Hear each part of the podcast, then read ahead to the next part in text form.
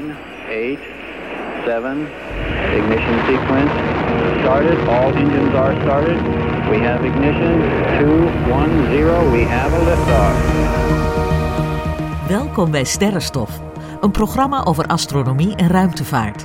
Met interviews, het allerlaatste astronomie- en ruimtevaartnieuws en de sterrenhemel van deze maand. Presentatie Anko van Hal.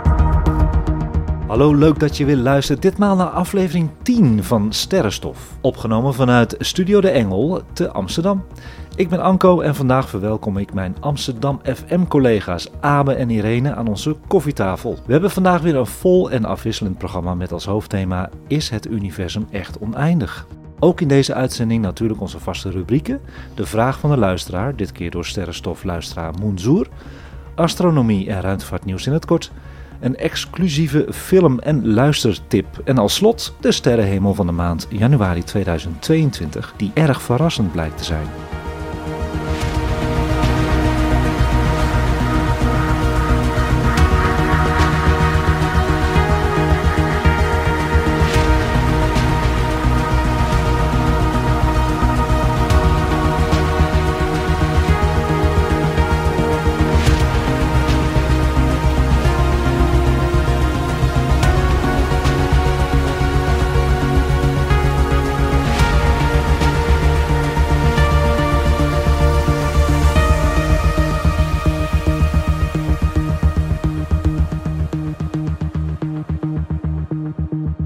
Hallo allemaal aan tafel. Hallo. Hallo, Hallo. hoe gaat het met jullie? Het Echt gaat goed? goed. Ja? En eh, nog de beste wensen, Beste zou ik wensen, zeggen. we zijn ja. al gewoon. daarin gegaan. Ja, Ja. en aflevering 10. Ik voel toch een klein jubileum opkomen. Ja, ja, ja. Maar dan zit ik te denken, Irene, moet het Ja. bij 10, moet het bij 12,5 aflevering of moet het bij 25ste Nou, aflevering? ik vind 10 al wel een enorme mijlpaal eigenlijk. Ja, heb je koffie? Ja, ik heb koffie en een beetje water. En ik zie hier iets heel lekkers staan. Ja, feestelijke tiende Ja, uitzending. Ja, Met eh, Tom Poesen natuurlijk. ja. Abe, we zitten in een studio, een nieuwe studio. We zijn Ja. ook iets later op de ether, om maar even heel ouderwets te zeggen. Dat is eigenlijk Spotify dus eigenlijk nu.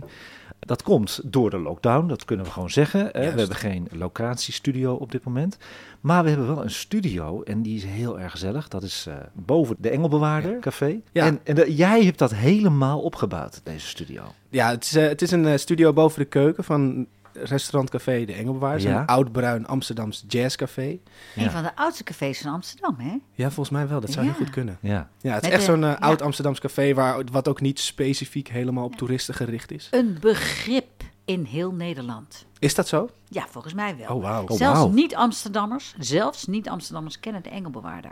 Oh, nou. Wauw. Dan voel ik me vereerd dat, dat we hier eh, een studiootje boven Sowieso, hebben. Ja. sowieso. En het ziet er hartstikke mooi uit, luisteraars. Ik ga een foto eh, op Instagram zetten zometeen. Dus jullie kunnen dat eh, allemaal mooi bekijken. En we kunnen sterrenstof door laten gaan. Yes! In Ja. de lockdown. Hoe blij zijn we met Abe op dit moment? Heel erg blij. Op de schaal van 1 tot 10. Tien! Tiende uitzending. U merkt, we zijn heel erg vrolijk. En eh, ik ga wel een heel zwaar onderwerp ga ik zo meteen eh, aansnijden. Dus jullie moeten goed luisteren. Maar ik wil eerst eens even weten, want we zitten nou eenmaal in sterrenstof. Is jullie wat opgevallen aan de hemel van afgelopen maand?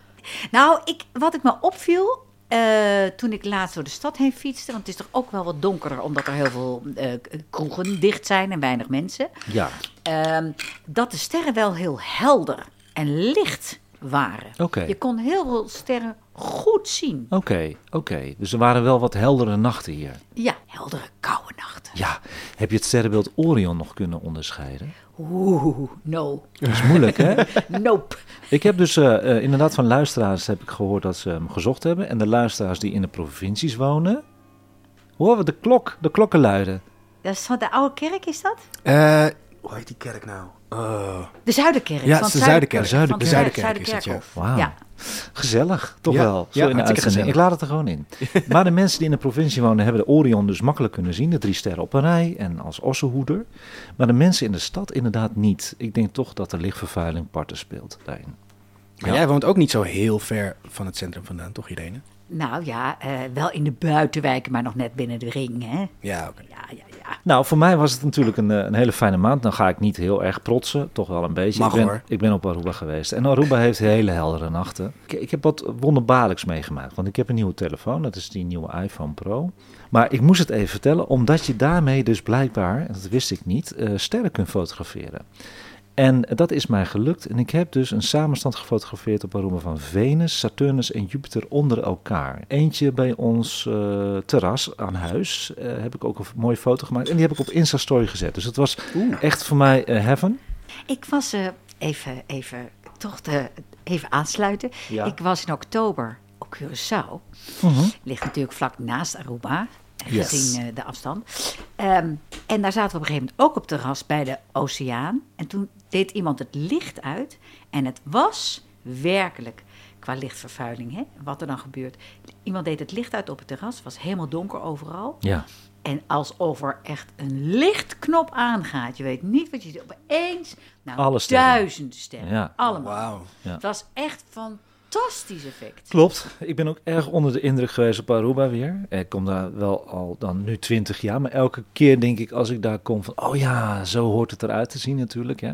En eh, nou ja, wat we wel hebben gedaan, Elton en ik... is naar de sterrenregen gekeken. De Geminids, hè, de Geminiden. Die uit het eh, sterrenbeeld eh, Tweeling komen.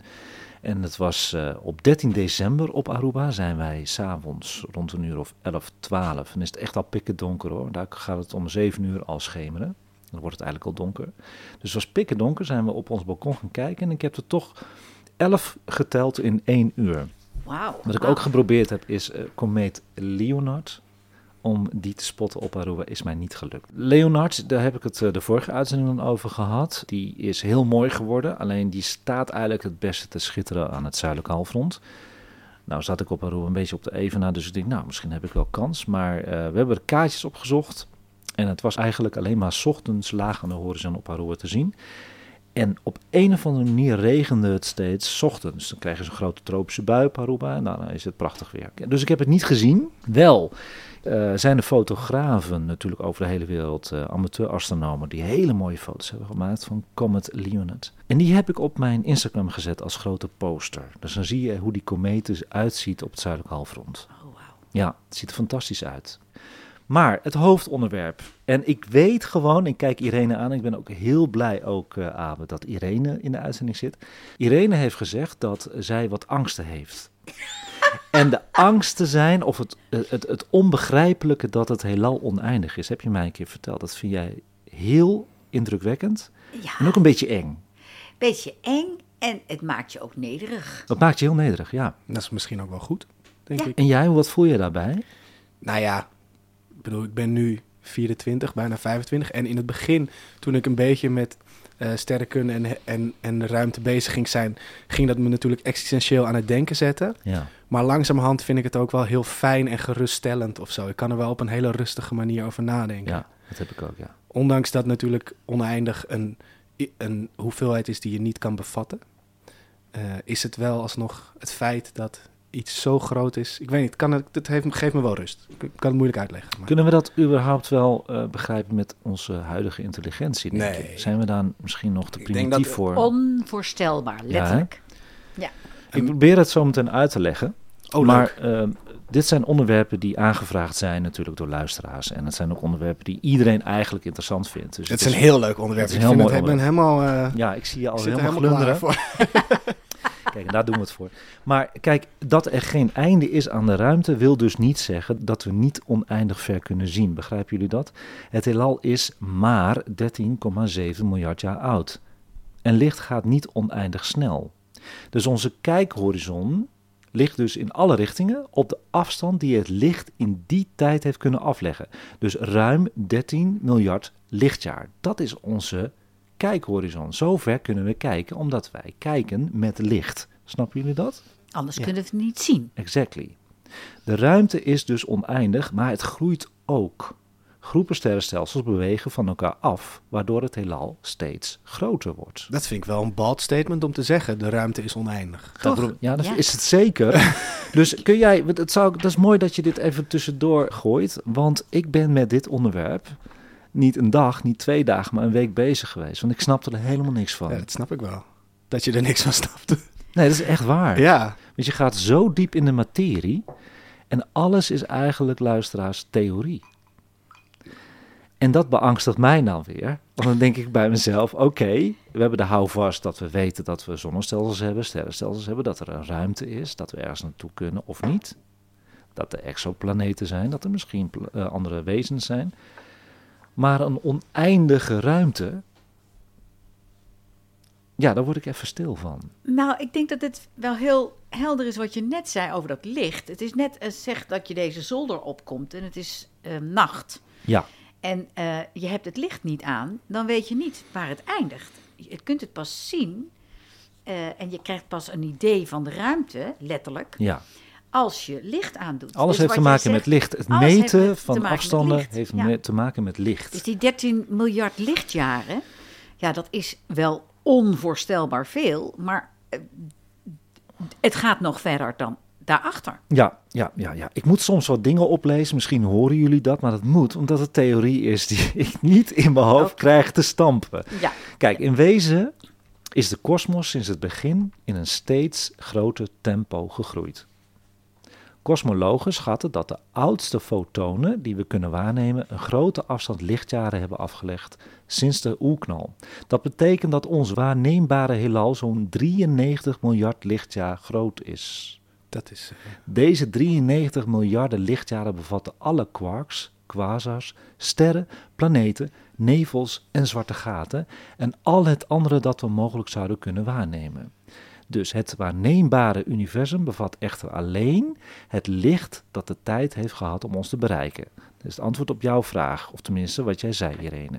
Wij Maar- kunnen het alleen maar waarnemen waar het licht is geweest. Ja. En wat zijn quarks en quasars? eh, quarks, dat zijn de deeltjes waar protonen en neutronen uit zijn gemaakt. Kijk, een atoom is gemaakt van protonen, neutronen Ja, die- en elektronen. Die Ja. scheikundeles heb ik nog Ja, gehad. exact. Dat, weet, dat is volgens mij algemene kennis. En Ja, precies. ehm, protonen en neutronen zijn gemaakt van, van quarks. En dan heb je ook allemaal verschillende soorten quarks. Je hebt, eh, ja, in Engelse termen zijn up quarks en down... Weet niet, allemaal wetenschappelijke termen. Daar weet ik ook weer het fijne niet van. Eh, en quasars, dat zijn inderdaad... eh, dat is totaal wat anders. Dat zijn zwarte gaten die heel snel ronddraaien met... Ja, daar komen gigantische jets van licht uit. Klopt. Maar hoe kan nou het heelal 93 miljard lichtjaar in doorsnede zijn als het maar 13,8 miljard jaar oud is? Kijk, licht heeft niet genoeg tijd gehad om zo ver te kunnen reizen naar 93 miljard jaar. Dus Exact. het licht is er nog niet. Die andere delen die we net hebben besproken, wat jij vroeg wat het waren, die eh, zijn daar wel, maar het licht nog niet. Uiteindelijk is het begrijpen van dit facet van de natuurkunde de sleutel tot het begrijpen van wat zich buiten de rand van het waarneembare heelal bevindt en of we daar ooit kunnen komen. Het is, een, het is zware materie, hè jongens? Ja, ja, ja, ja. Maar ja, goed, gaat maar uitleggen, hè, Ja, als nee, Ja, we, nee, we doen af en sterrenstofpresentator. toe even een denkstilte. Ik heb dikke Even respect voor je hoor, eh, Anko. Ik heb er lang over moeten doen. Ik was trouwens, eh, mogen, mogen mensen best wel weten, ik was geen scheikunde-nerd, ik was geen natuurkunde-nerd. Dus ik ben blij dat Abe me heeft geholpen met eh, de Quarks. quarks. Maar eh, een vraagje over het waarneembare eh, universum. Is het dan ook zo dat met de tijd, omdat zeg maar, licht tijd nodig heeft om ergens te komen en op ons netvlies te vallen, ehm, is het dan ook zo dat met de tijd ons waarneembare universum groter wordt? Dus Dus dat is dat, de bedoeling, ja. ja, precies. Dus we gaan nu naar de theorie. De eerste theorie is bijvoorbeeld dat sommige wetenschappers denken dat het mogelijk is dat het universum zich uiteindelijk om zichzelf heen wikkelt. Dus als je gewoon naar buiten zou kunnen blijven gaan, zou je op een dag terugkomen naar waar je bent begonnen, vanuit een andere richting.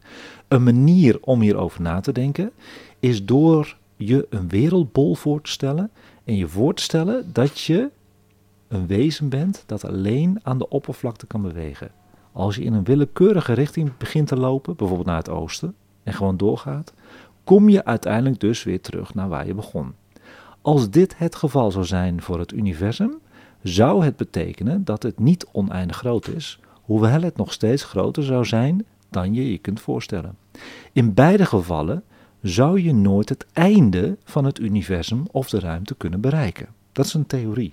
Nee, ja, je moet hem dus zien, het universum, als een bol. Ja. Dus net zoals de wereldbol, onze aarde, kom je weer terug op het punt waar je bent begonnen.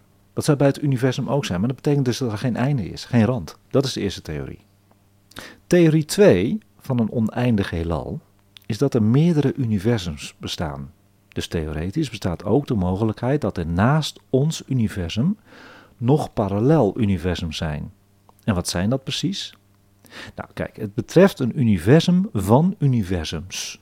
Sommigen geloven dat het hele universum zou kunnen bestaan in een bel, te midden van een groot aantal andere bellen. Dus heb je die sferen weer, die bollen, die bellen.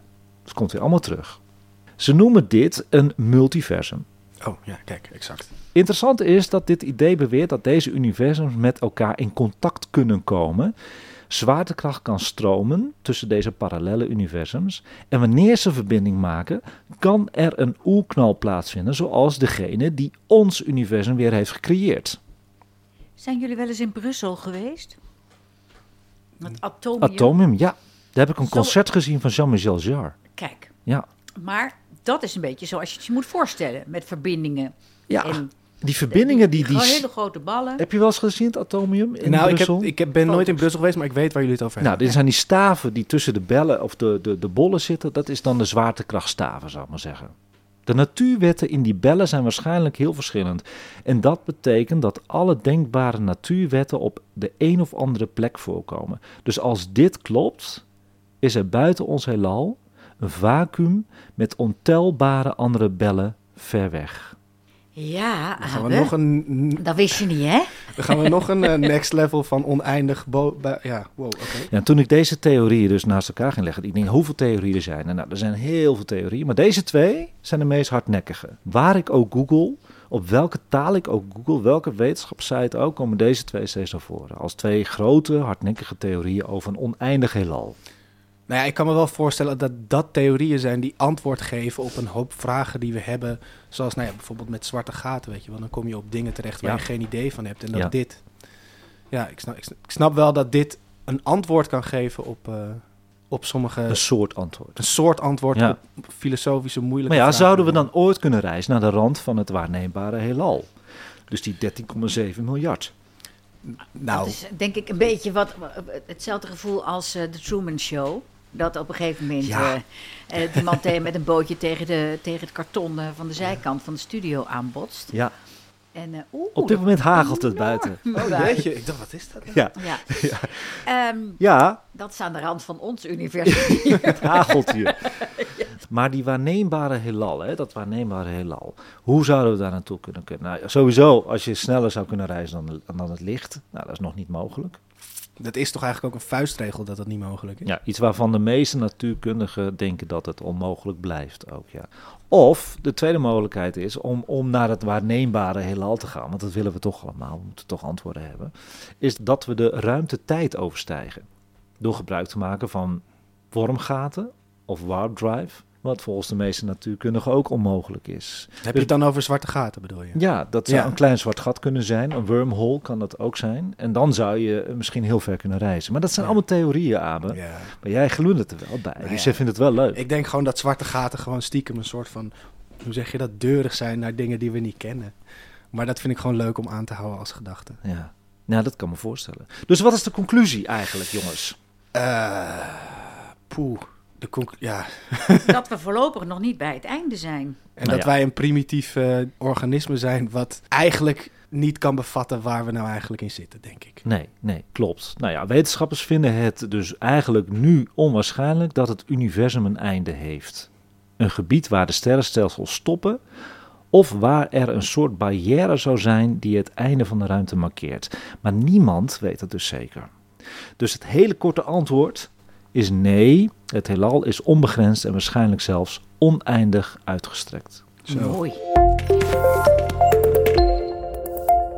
Hallo Anko, allereerst heel erg bedankt dat ik een vraag mag stellen bij Sterrenstof. Nou, ongeveer anderhalf jaar geleden heb ik een telescoop aangeschaft tijdens de lockdown. En sindsdien ben ik in principe gefascineerd geraakt door de planeet Saturnus. Ik vind de ringen van Saturnus zo mooi en zo onwerkelijk en magisch eigenlijk. Dat, dat ik vind dat iedereen eigenlijk dit zo een, een keer in zijn leven zou moeten zien. Mijn prangende vraag hierbij is dan ook... Waar bestaan de ringen van Saturnus uit en hoe zijn de ringen van Saturnus eigenlijk ontstaan? En mijn derde subvraag is eigenlijk: zullen we de ringen van Saturnus altijd zo aanschouwen zoals ze nu te zien zijn? Alvast heel erg bedankt voor je antwoord en heel veel succes met je uitzending. Dankjewel, Anko. De- hoe vonden jullie de vraag van Monzoer? Hartstikke leuke Ja, vraag. ik ben ook super benieuwd. En zo helder. En ik wil het ook allemaal weten. Ja, die ringen van Saturnus die zijn natuurlijk fantastisch. En dat spreekt iedereen tot de verbeelding. Hè? Dat iedereen kent de ringen van Saturnus. Ja. Nou, die zijn in 1610 voor het eerst gezien door Italiaanse astronoom Galileo Galilei. Hij omschreef de ringen trouwens van Saturnus als twee oren. In 1612 stond Saturnus zo naar de aarde gericht dat de ringen in de schaduw van de gasplaneet stonden en de ringen dus niet zichtbaar waren. Hierdoor raakte Galilei in de war, want zijn de oren van Saturnus nou verdwenen? In 1613 kwamen ze namelijk weer tevoorschijn. Kijk, vanaf de aarde zijn de ringen van Saturnus in fase te zien. Wisten jullie dat? Eh, nee. Met andere woorden, je ziet ze niet altijd in volle glorie naar ons toegericht. De zichtbaarheid van de ringen varieert met de hoek waaronder wij ze vanaf de aarde zien. Als de aarde precies in het vlak van de ringen staat, kijken wij precies op de rand en zijn ze vrijwel onzichtbaar. Dan zie je eigenlijk gewoon een streepje. Je weet hoe die planeet gaat zo. Ja, precies. Dit was het geval op 11 augustus 2009 en daarna duurde het 7,5 jaar voordat de ringen weer maximaal open stonden. Wow. Dus daar had Galileo Galilei ook last van. De Nederlander Christian Huygens was in 1655 de eerste die voorstelde dat de oren van Saturnus eigenlijk dus ringen waren. Huygens beweerde dit nadat hij met zijn zelfgebouwde telescoop naar Saturnus had gekeken en zag dat de oren nergens aan Saturnus vastzaten. Wauw. Kijk, ja, dat is eh, Vet een verhaal. mooie, mooie constatering van Ja. hem. Hij had een goede dag, denk ik. Is een goede dag. Een goede nacht. Zeker. Kijk, die ringen van Saturnus hè, zijn waarschijnlijk heel oud. En ze zijn ontstaan bij de vorming van Saturnus zelf. Er zijn twee verschillende theorieën over het ontstaan van de ringen van Saturnus. Goed luisteren. De eerste theorie komt uit de 19e eeuw en zegt dat de ringen ooit een maan van Saturnus waren met een doorsnede van ongeveer 400 tot 600 kilometer, die vervolgens uit elkaar viel. En de tweede theorie zegt dat de ringen nooit een maan waren, maar een overblijfsel is van het materiaal waar Saturnus zelf uit is ontstaan. Daarnaast wordt aangenomen dat de ringen bij het ontstaan veel groter en breder zijn geweest dan nu. Veel materiaal uit de ringen is echter op elkaar gebotst en heeft een groot gedeelte van de manen van Saturnus gevormd. Vandaar dat de meeste manen ook weinig rotsachtig materiaal hebben, want dit is niet veel aanwezig in de ringen. Men denkt dat de ringen van Saturnus stukken kometen, asteroïden of verbrijzelde manen zijn die uiteenvielen voordat ze de planeet bereikten, verscheurd door de krachtige zwaartekracht van Saturnus. Ze zijn gemaakt van miljarden kleine brokken ijs en gesteente, bedekt met andere materialen zoals stof. Eigenlijk bestaan ze dus uit 99% waterijs. Wauw. Ja. Dus dat, dat, dat weerspiegelt natuurlijk dat waterijs ook heel erg fel. Ja. Dus we zien die eh, ringen eigenlijk heel goed. Wat gaaf zeg. En, en zit er, is het de afstand tussen die, die, die stenen, is die zo groot dat die stenen elkaar bijna niet tegenkomen? Of botsen ze regelmatig Af en toe botsen ze tegen elkaar. Dat gebeurt wel. Ja, zeker. En er is ook een scheiding te zien, zelfs met een kleine telescoop. Dus de ring is niet aan één stuk door één dichte ring. Oh. En die scheiding heet de Cassini-scheiding. Want Cassini is ook een astronoom die heeft dat voor het eerst onderscheiden. De ringen van Saturnus zijn trouwens van korte duur in vergelijking met de leeftijd van het zonnestelsel.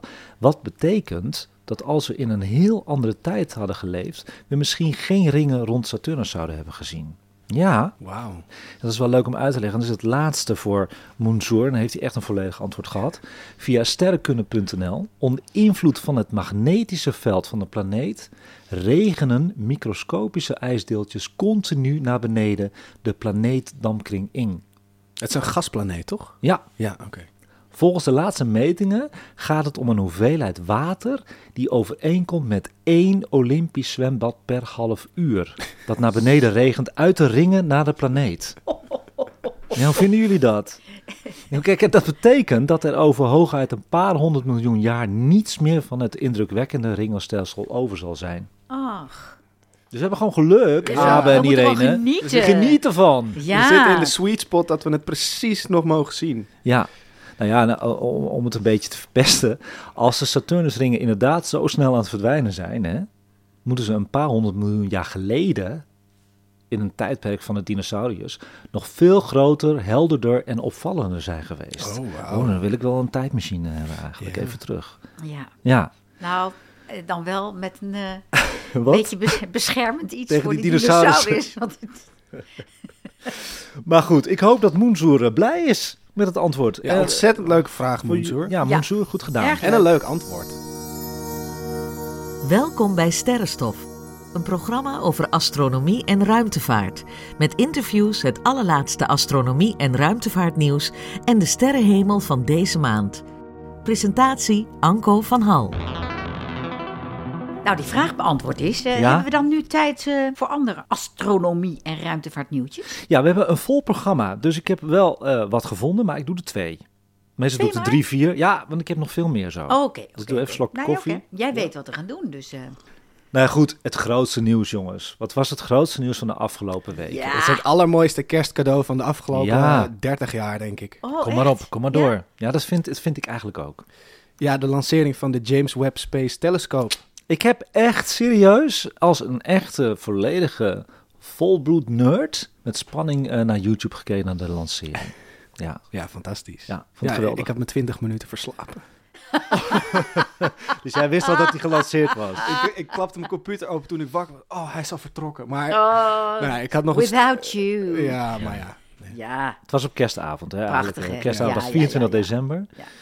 Kijk, en op dit moment ehm, vouwt de James Webb, en als mensen luisteren is alles al gelukt, eh, denk ik, alle onderdelen uit.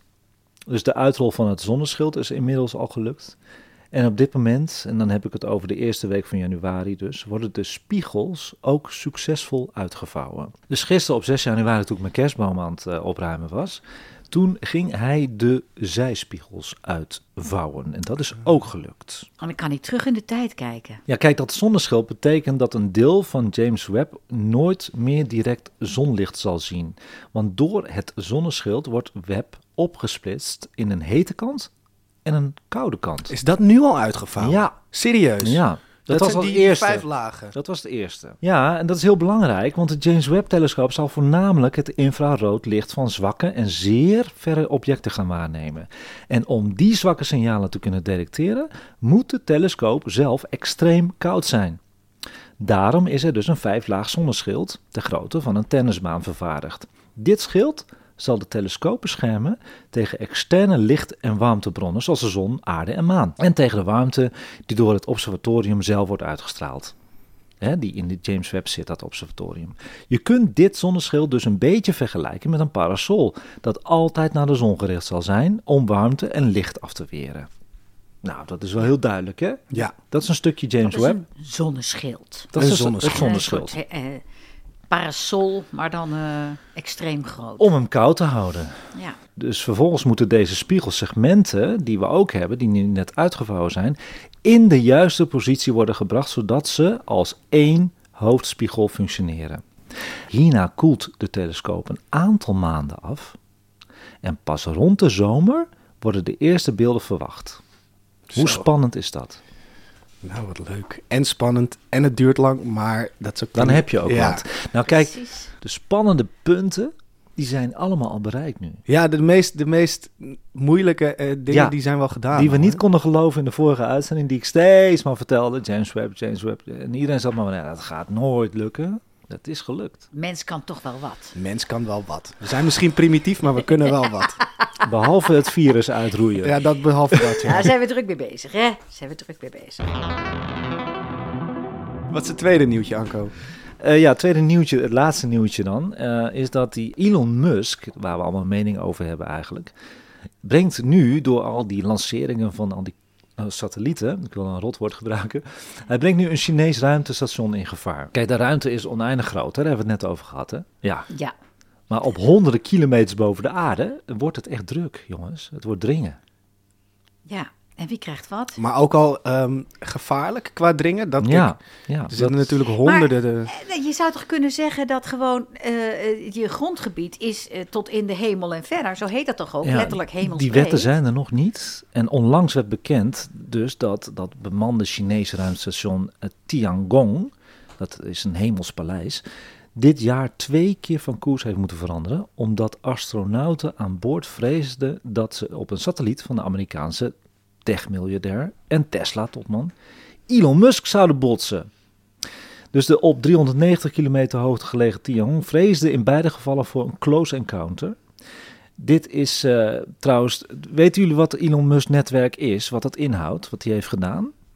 Um, niet een beetje, niet exact. Dus ja, hij, hij, brengt al die satellieten steeds naar, naar boven als een netwerk om uh, de meest desolate uithoeken van uh, de aarde met uh, breedband internet te voorzien. Ah. Ja. Ja, ja, ja. En, en dus, uh, zal maar zeggen, in de, in de hoeken van Afrika of ja. in de verre hoekjes van Australië. Sahara, weet ik veel. Daarvoor heeft hij die satellieten nodig. Ja. Ja, ze hebben dus niet het is niet gevraagd. helemaal onzin. Nou ja. Nou ja, hij lanceerde hiervoor al 1900 satellieten. Voor astronomen die willen fotograferen is het een ramp. Want het, er staat altijd wel een satelliet op je foto. Dan moet je altijd Ja. wegpoetsen. En Ja. dit aantal moet de komende jaren oplopen tot in de totaal 12.000. Ja, dat is natuurlijk Dat is echt, echt Dat is echt insane, want er zijn nu al honderden, toch? Ja, En als er nog twaalf... Ja. Jeetje. Ja, Ja. nee, dat, dat het is dat- niet te doen. Deskundigen, overheden en concurrenten wijzen de laatste tijd veelvuldig op het gebrek dus aan regels, wat je al zei, Irene. Ja, en nu Musk zijn satellieten met ruim 100 stuks per maand de ruimte inbrengt. Ja, dat is natuurlijk... eh, Laat hij nou zich nou gewoon lekker met zijn Teslaatjes bezighouden. Hè? Ja. Ja. nou ja, kijk, China eh, klaagt, maar vorige maand ja, moest het ISS, onze International Ruimtestation, uitwijken voor een stukje puin dat al 14 jaar in de ruimte zweeft. En dat betrof een van de ruim 3500 brokstukjes die zijn overgebleven van de Chinese weersatelliet. Fengjun IC en toen China die in 2007 zelf vernietigde met een raket. Dus ja, eh, ruim je de rotzooi op. pot op verwijt de ketel. ja, ruim je rotzooi op, op een goede in uitspraak. de ruimte. Ja, dat was het nieuws eventjes, want ik heb nog veel meer voor jullie. Want ik heb twee tips. Oh, Ja. Ik weet niet, kijk, we hebben allemaal niks te doen met die lockdown. Hè? We zitten allemaal lekker voor Netflix en zo. En er is één film die al weken op één of twee staat in Nederland. Dat is de film Don't Look Up. Ja. Dat is natuurlijk eh spekje na het bekje voor sterrenstof. Want waar gaat het over? Heeft iemand hem gezien? Nou, mijn huisgenoten hebben gezien en ik heb expres weggekeken omdat ik dacht ik wil hem zelf nog zien. Dan Dus- ga ik, het, eh, dan, eh, dan ga ik Ja. jou een goede teaser geven. Want- ja, ja, doe maar. Precies, Maak ik me moet maar hem lekker. ook nog bekijken. En Ah, hij stond klaar. ja. Toen dacht ik, nee, maar ik wilde echt even goed voor gaan zitten. Ja, nou ja, het is een Amerikaanse satirische science fiction film uit 2021. Daar ben ik altijd een beetje huiverig voor satirisch, want ik kan ontzettend tegenvallen. Maar ik vond eh Mars Attacks, dus ook satirische science fiction, vond ik enig. Dus het kan wel lukken hoor, satirische science fiction. Maar het is ook leuk en opvallend omdat er echt een, een, een sterrencast is. Jeetje mina. Jemig, Leonardo DiCaprio, Jennifer Lawrence, Meryl Streep, Kate Blanchett en Rob Morgan. Ja, het is niet te geloven. Het is echt En dan bizar, ja. is die eigenlijk gedoemd tot te mislukken, hè, zo'n film. Want de verwachtingen waren ontzettend hoog. Sky High. Sky high. maar als je de film gaat kijken... Want het is 50-50 trouwens. Hè? Mensen vinden hem of geweldig of helemaal niks. Maar als je de film gaat kijken met een open vizier... Ik ging echt nadenken hoe de wereld nu met, met, met eh, COVID omgaat, met corona. Ik heb dus in de afgelopen uitzendingen van Sterrenstof gepraat over... Stel je voor dat de ufo's landen, hoe gaat de wereld daarop reageren? En dat heb ik ook een keertje aangegeven. Volgens mij zijn we een week erover aan het praten en dan gaan we weer verder. Of we zeggen allemaal dat het fake nieuws is. Maar goed, meer ga ik niet vertellen, want het, heeft, het zit allemaal in de lijn van deze film natuurlijk. Overal staat natuurlijk waar de film een beetje over gaat. Dan komt een eh allesvernietigende komeet richting de aarde en we hebben zes maanden om daar wat aan te doen. Maar eh, dat staat, en dat is geen spoiler, dat staat overal, niemand is geïnteresseerd in dit nieuws. Nou, ga maar verder kijken dan. Oké. Ja. Nou, Mijn- mijn- Ik ga hem echt kijken hoor. Mijn eerste filmtip dus voor Hartstikke leuk. Ja, Komen we volgende uitzending op terug.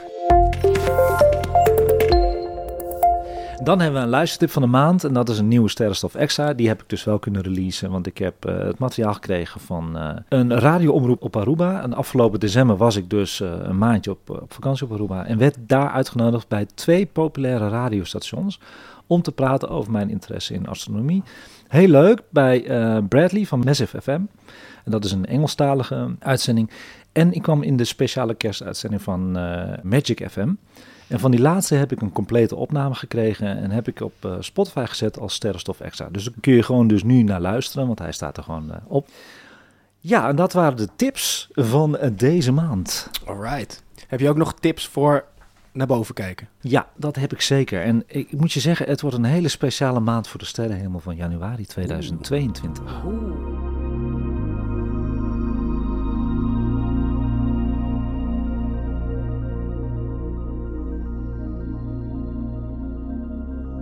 In ieder geval lange nachten. Zeker. Nog steeds lange nachten. Ja. Ze worden korter, maar En eh, onthoud goed, hè, vuistregel voor de winter. Hoe kouder de nachten, hoe helderder de luchten. Oh, dat wist ik helemaal niet. Wat goed dat je dat zegt. Dus laten we daar gewoon op hopen, jongens. Dus we mogen blij zijn als het koud wordt. Zeker, daar gaan we gewoon voor. En ik, ik moet eerlijk zeggen, het, het is nu nog niet echt koud. Hoewel, we zitten op de gemiddelde temperatuur nu, geloof ik, hè, 6 graden of zo. Maar ik denk, maar daar komen we ook wel op terug, dat we een hele koude februari krijgen. Maar goed, over de planeten, daar begin ik altijd mee. De sterrenhemel van de maand, januari 2022. Nou, kijk, in januari kunnen we eigenlijk alle vijfde planeten met het blote oog weer zien.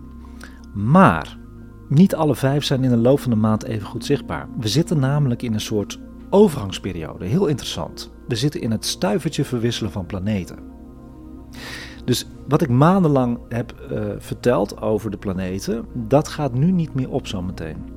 De kleine hete planeet Mercurius staat begin van deze maand laag aan de zuidwestelijke avondhemel en eerst nog in de buurt van de heldere planeet Venus. Nu we eigenlijk iets later zijn met deze uitzending, ja, heeft het niet meer nut eigenlijk om ze te gaan bekijken. Zo snel gaat het. Want Venus stond dus nog helder te schijnen, laag aan de horizon, als sikkeltje. Als je die met de verrekijker zou kijken, zou je een sikkeltje zien. Maar hij verdwijnt nu in de zonnegloed om eind januari weer tevoorschijn te komen aan de ochtendhemel. En dan staat hij nabij de planeet Mars. Dus het is niet allemaal heel verdrietig nieuws. maar het is wel zo, je moet houden van vroeg opstaan nu. Ah, kijk. In de kou. In de kou. Ik doe het trouwens wel, hè. Och, s ochtends opstaan voor planeten. Zo gek ben ik wel. Ja, dan zet ik mijn Ja, dat is niet gek, dat is hartstikke leuk. Ja. En daarna weer in bed. Dat is ook fijn. ja, dan ben ik mensen gebroken, hoor. Ja, goed. Oké, Kijk, die dit rode... terzijde. Dit is zijn. De rode planeet Mars staat trouwens op 29 januari samen met Venus en de smalle maansikkel. En dat is aan de zuidoostelijke horizon. Nou kijk, die heb ik in mijn agenda gezet, want dat is natuurlijk een hele mooie samenstand. Hè? Ik vind het sowieso al mooi hoor, een maan samen in conjunctie met een planeet. Maar twee planeten en mijn Mars. Hey. Ja, dan, dan Ja, kan, daar je, ga daar ik- kan je Anko wel wakker van Ja, maken. daar ga ik echt wel eh, de wekker voor zetten. 29 januari, Ja. s ochtends. Schrijf het op mensen, het is echt heel leuk. Ochtends voor zonsopkomst. Ja, zeker. Ik zei al, we zitten in een overgangsperiode. Is een hele rare sterrenhemel hoor, deze maand. De zichtbaarheid namelijk van Jupiter, die echt jaarlang hoog aan de hemel heeft gestaan met Saturnus, die neemt nu gestaag af. Hij gaat in het begin van januari nog rond 9 uur onder, dus kun je makkelijk zien als heldere ster. Maar aan het eind van de maand is dat al om kwart voor acht. Dus dat gaat wel echt wel een beetje achteruit. En omdat hij dicht bij Saturnus staat aan de hemel, geldt daarvoor hetzelfde. Kijk, dit toch al onopvallende sterretje, Saturnus, is alleen de eerste week van januari nog zichtbaar. Dus ja, het is eventjes eh, behelpen met die planeten. Dus wat is er nog meer te zien in januari? Nou, wanneer het weer het toelaat, kijk dan op 13 januari rond 9 uur eens omhoog en zie de maan tussen de open sterrenhoop de Pleiade. Kun je gewoon met blote oog zien. Dat is een zevengesternte, dat zijn allemaal sterretjes bij elkaar. En links onder de heldere rode superreus staan. En die heet Aldebaran. De rode superreus, superreus heet Aldebaran. Ja. Oké, ik, ik heb Ja, Aldebaran. Een van de mooiste samenstanden, jongens, deze maand. Dus gewoon even kijken. Mooi naam. Ja, Ja, prachtig. 13 januari. Schrijf hem op. Een soort van naam uit eh, Harry Potter lijkt het wel. zoiets. Kijk, en heb je nou moeite het sterrenbeeld tweelingen te spotten? Kijk dan eens 17 januari omhoog. Dan zie je de volle maan op één lijn staan met twee opvallende sterren van de tweeling Pollux en Castor. Heel leuk, 17 januari, de maan, Pollux en Castor. Leuk. Ja, we hebben een kijktip weer. Want eh, de vorige kijktip over hoe kun je Orion spotten is eh, iedereen heel erg eh, opgevallen. En heb ik ook dus berichten over gehad. Hè, dat mensen in de provincie het wel hebben gezien en in Amsterdam bijvoorbeeld niet. Dus als je Orion kan spotten, het wintersterrenbeeld Orion, kun je ook Sirius spotten. En die is eigenlijk ook alleen maar te zien in de winter Sirius. En wat heel veel mensen niet weten, en dat vind ik zo leuk, daarom wil ik dit echt als kijktip vertellen. Sirius is gewoon de helderste ster op dit moment aan de hemel naast de planeten. De planeten zijn wat helderder, dus eh, Jupiter, Venus en zo, hè, die zijn best wel helder.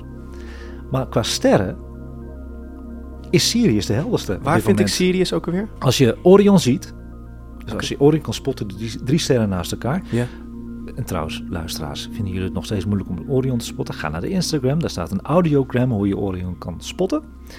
Dan links onder Orion een hele felle ster en dat is Sirius kan niet missen. Niet te missen. Omdat Sirius de helderste ster is van het sterrenbeeld Grote Hond, Canis Major, staat hij ook bekend als de Hondster. En met een afstand van 8,6 lichtjaar is Sirius na de zon het op zes na dichtstbijzijnde stersysteem. Sirius heeft een begeleider, dus het is eigenlijk een dubbelster. Het is een systeem. En het leek er even op dat de begeleider van Sirius makkelijk met een telescoop te zien moest zijn. Dit is niet het geval trouwens, want het sterke licht van Sirius overstraalt de begeleider. En wat voor ster is die begeleider? Sirius B en Sirius A is de echte Draaien die zo om elkaar Ja. heen? Oh, wat wauw. lekker. Niet leuk, hè? Wauw. Oh, jullie waren ook zo stil. Ik denk, nou... Ja, we hangen aan je lippen. En bewegen ze ook naar elkaar toe? Of is het gewoon nee, een het constante... blijft eh, gewoon constant, eh, ja. Ja, je kunt Kat en gewoon ja, ja. Zijn, ze, zijn ze even oud? Nou, ze worden geïdentificeerd als witte dwerg. En een witte dwerg is een van de mogelijke eindfasen van een ster. Maar dit was trouwens wel de eerste witte dwerg die gevonden werd. Echt? Ja, Oeh. Zo. ja.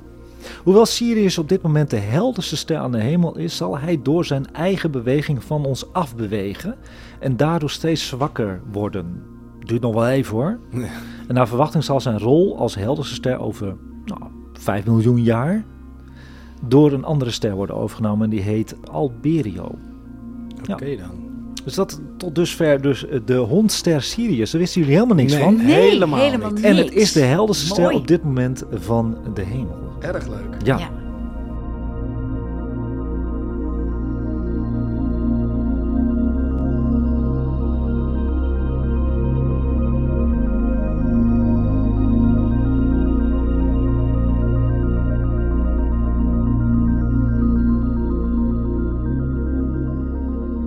En tot zover voor de maand januari. Dit was eh, Sterrenstof live vanuit Studio De Engel, gerund door Abe, te Amsterdam.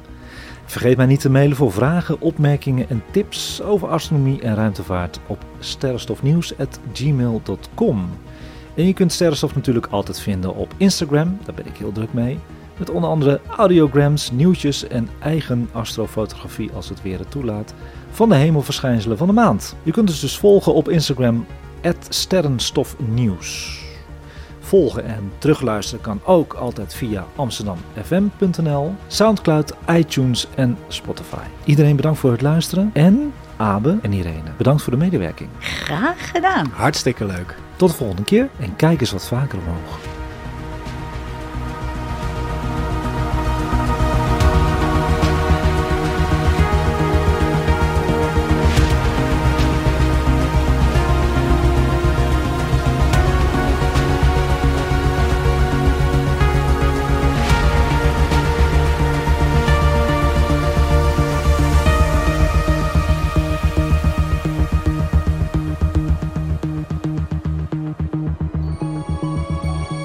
Matter is much older than life.